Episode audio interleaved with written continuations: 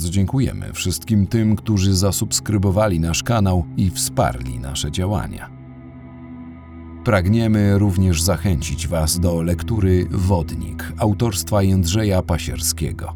Fabuła książki jest niezwykle intrygująca. Opowiada historię siedmioletniego Michała, który jest pewien, że za śmiercią starszego brata Marcela stoi tytułowy wodnik. Doświadczony psycholog i główny bohater kryminału pragnie dotrzeć do chłopca i poznać tajemnicę, którą skrywa. Wydawnictwo czarne i tym razem nas nie zawiodło, więc zachęcamy do czytania. Historia zbrodni, którą przytoczę Państwu w dzisiejszym odcinku, jest wielką niewiadomą dla rodziny ofiary, jak również organów ścigania. Od morderstwa minęło 30 lat, a sprawca tego czynu nigdy nie został schwytany. Drodzy kryminauci, zapraszam do wysłuchania kolejnego odcinka kryminalnego podcastu Oblicze zbrodni pod tytułem Droga śmierci. Pamiętajcie, aby nie przeoczyć galerii zdjęć na końcu każdej naszej historii, która jest dostępna na kanale YouTube. Jeśli chcesz wesprzeć naszą pracę, możesz postawić nam wirtualną kawę, klikając w link znajdujący się w opisie. Dziękujemy.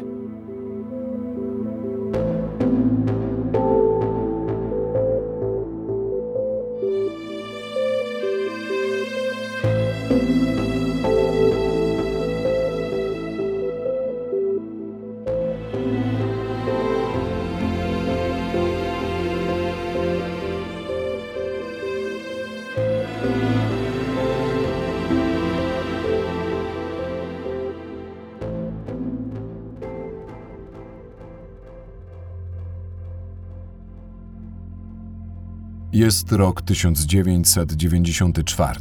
W mieście Ostrzeszów, znajdującym się w województwie wielkopolskim, mieszka 27-letnia Alina. To miła, skromna i uczynna dziewczyna o dużych niebieskich oczach i smukłej sylwetce. Pracuje jako pielęgniarka na oddziale chirurgicznym w pobliskim szpitalu. Rzetelnie wykonuje swoje obowiązki, ciesząc się sympatią pacjentów, ich rodzin oraz personelu szpitala. Dziewczyna mieszka przy ulicy Okrężnej w ścisłym centrum wraz z siostrą, jej mężem oraz dwoma ich synami.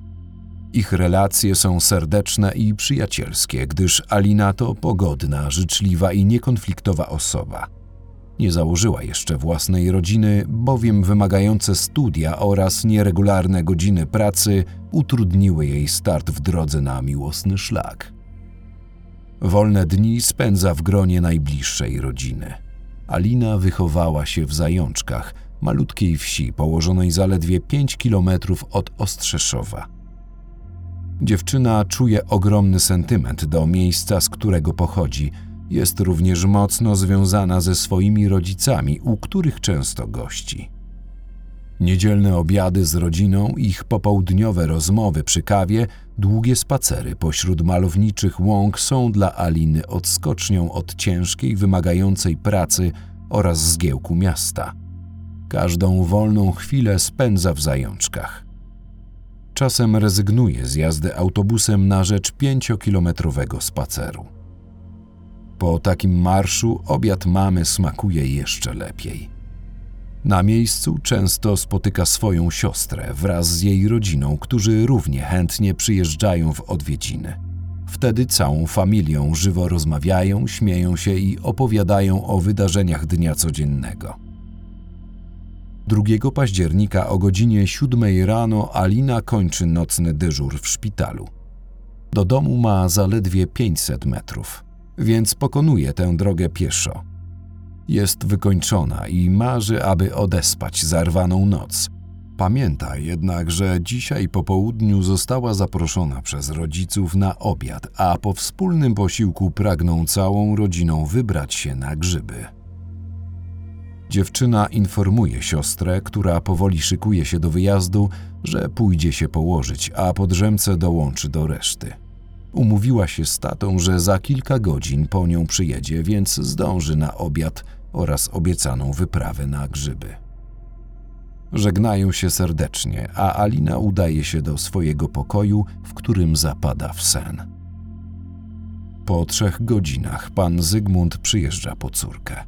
Dziewczyna informuje go, że nadal jest bardzo zmęczona i chce zostać w domu. Ojciec przekonuje ją do wyjazdu, prosi, aby jeszcze trochę odpoczęła, a on zjawi się nieco później. Alina się zgadza.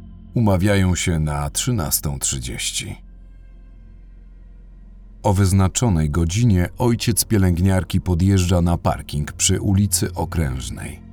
Po kilkukrotnym pukaniu do drzwi samodzielnie otwiera mieszkanie. Wita go cisza oraz kartka położona w widocznym miejscu. Na skrawku papieru zamieszczona jest informacja. Pozostawiła ją Alina. Jej treść brzmi: Poszłam już na zajączki. Pan Zygmunt opuszcza mieszkanie. Jest przekonany, że zgarnie córkę po drodze i wspólnie wrócą do rodzinnego domu. Niestety na trasie nie odnajduje Aliny. W zajączkach są już obecni wszyscy zaproszeni goście poza nią. Postanawiają zaczekać z obiadem, twierdząc, że dziewczyna mogła spotkać kogoś znajomego, zagadać się lub nagle zmienić plany, o czym z racji braku telefonu komórkowego, który w tamtych czasach raczkował, nie zdążyła poinformować.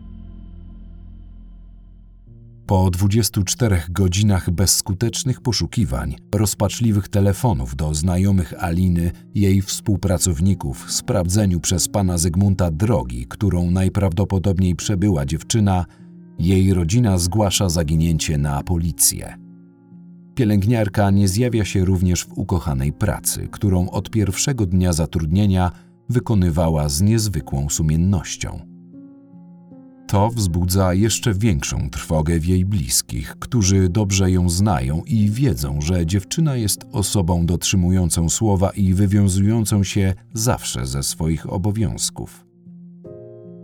W mediach zostaje podany komunikat o zaginięciu kobiety wraz z jej rysopisem. Tego dnia miała na sobie niebieską ortalionową kurtkę, spodnie dresowe oraz białe adidasy. Śledczy docierają do informacji o przedziale czasowym oraz trasie, którą dziewczyna przebyła w drodze do zajączek. Koło dwunastej wyszła z mieszkania. Najpierw pojawiła się na dworcu PKS w Ostrzeszowie, skąd chciała kupić bilet na autobus relacji Ostrzeszów-Grabów nad Prosną. Kiedy sprawdziła rozkład jazdy, zdała sobie sprawę, że szybciej dotrze do zajączek na nogach niż zaczeka na kolejny kurs, który z racji niedzieli odbywał się rzadziej niż w dniu powszednim. Ostatni raz była widziana koło godziny 13 w okolicach przejazdu kolejowego, który znajdował się przy ulicy Grabowskiej w Ostrzeszowie, niedaleko dworca PKS. Rodzina zaginionej nie potrafiła zrozumieć, dlaczego wybrała się do zajączek pieszo, jeśli umówiła się z ojcem, że ten odbierze ją z Ostrzeszowa o umówionej godzinie. Czy Alina postanowiła odejść? A może zmagała się z jakimś problemem, który sprawił, że targnęła się na swoje życie? Co jeśli spotkała na swojej drodze kogoś, kto zdecydował za nią? Rodzina pielęgniarki nie zauważyła nic niepokojącego w jej zachowaniu, była tylko zmęczona, co wynikało z nieprzespanej nocy. Bliscy Aliny zdawali sobie sprawę również z tego, że wielokrotnie chodziła do zajączek na nogach. Trasa, którą pokonywała, była jej dobrze znana i uznawana za bezpieczną. Wierzyli, że jedyne co mogło się wydarzyć to nieszczęśliwy wypadek. Dziewczyna kochała życie i ludzi. Była szczęśliwa, zaangażowana w swoją pracę i życie rodzinne. Nie miała żadnych wrogów, z nikim nie popadła w konflikt. Zawód, który wykonywała, dawał jej mnóstwo satysfakcji. Często, mimo ogromnego zmęczenia po nocnym dyżurze, potrafiła wziąć za kogoś zastępstwo i pracować dalej. Mundurowi w trakcie prowadzonego śledztwa rozmawiają z jednym z mieszkańców powiatu ostrzeszowskiego, który informuje ich, że 2 października w dniu zaginięcia Aliny Na terenie okolicznych lasów widział, jak pewien nieznany mu mężczyzna kopał dół wielkości ludzkiego ciała. Spłoszony przez świadka przerwał wykonywaną czynność, wsiadł do samochodu i odjechał w nieznanym kierunku. Funkcjonariusze przybywają we wskazane miejsce, lecz policyjny pies nie podejmuje tropu. Pielęgniarka zostaje uznana za zaginioną. Zatroskana rodzina powoli traci nadzieję na odnalezienie Aliny żywej. Przypuszczenia śledczych wskazują na kogoś, kogo dziewczyna musiała znać, kogoś, komu ufała i spotkała na trasie w drodze do zajączek, kogoś, z kim wsiadła do samochodu w nadziei na szybki powrót do domu, a ten najprawdopodobniej pozbawił ją życia lub przetrzymuje siłą. Niepokój rodziny związany z niewiedzą o jej losach dręczy ich niemal każdego dnia, aż do roku 1996. 29 marca podczas wycinki drzew między dwoma stawami rybnymi w miejscowości Rogaszyce Królewskie, położonej 7 km od Ostrzeszowa, miejscowi drwale znajdują ludzkie szczątki. Zwłoki są ułożone na boku, częściowo ubrane, a obok nich znajduje się obuwie oraz parasolka. Policja szybko ustala ich tożsamość. Ku rozpaczy rodziny szkielet oraz ubiór należą do uznanej za zaginioną Aliny. W toku przeprowadzonych badań lekarze medycyny sądowej Akademii Medycznej w Poznaniu odkrywają przyczynę śmierci młodej pielęgniarki. Jest nią bezsprzecznie morderstwo, które z całą pewnością zostało dokonane w zupełnie innym miejscu niż to, w którym znaleziono zwłoki. Kobieta zginęła na skutek pęknięcia czaszki po mocnym uderzeniu w głowę tępym narzędziem. Jej śmierć nastąpiła prawdopodobnie tego samego dnia, w którym zaginęła. Policja już wcześniej sprawdziła samochód pana Zygmunta, podwórko oraz dom należący do rodziców pielęgniarki. Przeszukała również mieszkanie w Ostrzeszowie. Nie znaleziono żadnych śladów mogących świadczyć o tym, że zbrodni dokonał ktoś z jej najbliższych. Nie udało się trafić na żaden trop, który mógłby pomóc w schwytaniu sprawcy tego bestialskiego czynu. Świadkowie, którzy widzieli pielęgniarkę przy przejeździe kolejowym w Ostrzeszowie na ulicy Grabowskiej, wspominali o czerwonym samochodzie, który mógł prowadzić człowiek mający związek z morderstwem kobiety. Niestety całe śledztwo opierało się na hipotezach. Funkcjonariusze nie posiadali żadnych konkretów w sprawie. Wykluczono wypadek komunikacyjny, gdyż znalezione ciało nie posiadało charakterystycznych dla niego obrażeń. Alina była z natury ostrożną osobą, więc nie wsiadłaby do samochodu człowieka, którego nie znała. Chciała jak najszybciej dotrzeć do rodzinnego domu, a jeśli znajomy zaproponował jej podwózkę, aby dotarła tam szybciej, mogła ochoczo przystać na jego propozycję. Mordercą mógł być ktoś, kto mieszkał w pobliżu, gdyż miejsce pozostawienia ciała mogło wskazywać na jego dobrą znajomość okolicznych terenów. Zalesiony, bagnisty, nieuczęszczany obszar z dala od drogi był doskonałą kryjówką dla zwłok. Morderca mógł działać w pośpiechu, gdyż ciało kobiety położył na ziemi, nie zakopując go. Tutaj pojawia się kluczowe pytanie: dlaczego sprawca targnął się na jej życie? Czy doszło między nimi do kłótni? Jeśli tak, to z jakiego powodu? Czy zbrodnia była skutkiem gwałtu, w trakcie którego Alina próbowała się bronić, co tylko rozsierdziło oprawcę? Niestety, daleko posunięty rozkład zwłok sprawił, że nie udało się ustalić, czy przed śmiercią kobiety doszło do jej wykorzystania na tle seksualnym. Kim był morderca? Czy Alina skrywała jakąś tajemnicę? Czy posiadała adoratora, który został przez nią odrzucony i dokonał na niej zemsty? Czy w szpitalu, w którym pracowała, doszło do konfliktu między nią a kimś z personelu bądź pacjentów? Czy miała romans, a żona jej kochanka dowiedziała się o zdradzie i sama postanowiła wymierzyć sprawiedliwość? Czy była to zorganizowana grupa przestępcza handlująca żywym towarem? Nieszczęśliwy wypadek? Na mieszkańców Ostrzeszowa oraz przyległych do niego wsi padł blady strach. Kobiety obawiały się wyjść z domu. Niepokój potęgowała świadomość, że morderca może być kimś z ich otoczenia i ciągle pozostaje nieuchwytny.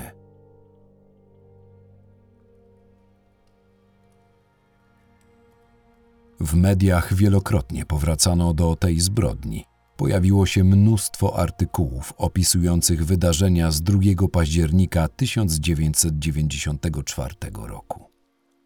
Przez wiele lat akta sprawy leżały odłogiem. W roku 2018 poznańskie Archiwum X po raz kolejny powróciło do próby ustalenia, kto odpowiada za śmierć młodej pielęgniarki. W lokalnym tygodniku Czas Ostrzeszowa przedstawiono zbrodnię dokonaną na Alinie. Artykuł pojawił się również w internecie. Pod opisaną historią można było pozostawić komentarz. Ludzie ochoczo wyrażali swoje opinie oraz obawy. Po ponad roku od ukazania się materiału, śledczym przekazano informacje o szczególnym uczestniku internetowej dyskusji przedstawiającym się nikiem Uutyr, który zamieścił dwa wpisy. Brzmiały one następująco. Sprawca nie żyje. Zmarł na nowotwór we Wrocławiu, a pochodził z Sycowa. Pracował we wodociągach. Miał konflikt z panem. Był to niejaki. Po chwili dodał: Oboje się nie znosili, a X był złośliwym typem. Jeździł do ostrzeszowskich wodociągów, bo wtedy tam podlegał. Szczegóły zna pan Funkcjonariusze nie mogli namierzyć autora tych komentarzy, gdyż jego dane po roku od ukazania się artykułu zostały usunięte. Była to wielka strata dla śledztwa, szczególnie że wpisy tajemniczego Uutyra miały wiele wspólnego z prawdą. Pan Zygmunt, ojciec Aliny, pracował w wodociągach, o których wspominał autor komentarzy, znał również mężczyznę, którego opisał Uutyr. Czy był to jednak morderca Aliny? Tego nie można ustalić po internetowym komentarzu. Młoda, zapracowana pielęgniarka pragnęła spędzić czas z rodziną. Wychodząc z domu, nie przypuszczała, że jej wędrówka będzie miała śmiertelny kres. Komu zawiniła? Co wydarzyło się 30 lat temu w drodze do zajączek? Kim jest tajemniczy Uutyr? Śledztwo w tej sprawie jest nadal prowadzone, ale za kilka miesięcy sprawa zostanie przedawniona. Jeśli posiadasz jakąkolwiek wiedzę na temat opowiedzianego przez nas zdarzenia, zadzwoń pod numer telefonu Komendy Wojewódzkiej w Poznaniu 47 771 31 11 lub prokuratury okręgowej w Ostrowie Wielkopolskim 62 595 74 20. Możesz również udać się osobiście do Komendy Powiatowej Policji w Ostrzeszowie. Zabójstwo jest zawsze zabójstwem, bez względu na motywy i okoliczności. Przeto ci, którzy zabijają lub przygotowują zabójstwo, to przestępcy i zbrodniarze – bez względu na to, kim są królami, książętami, marszałkami czy sędziami. Nikt z tych, którzy obmyślają i zadają przemoc, nie ma prawa uważać się za lepszego od zwykłego zbrodniarza. Bo wszelka przemoc z natury swej nieuchronnie wiedzie do zbrodni. Andrzej Sapkowski, król elfów.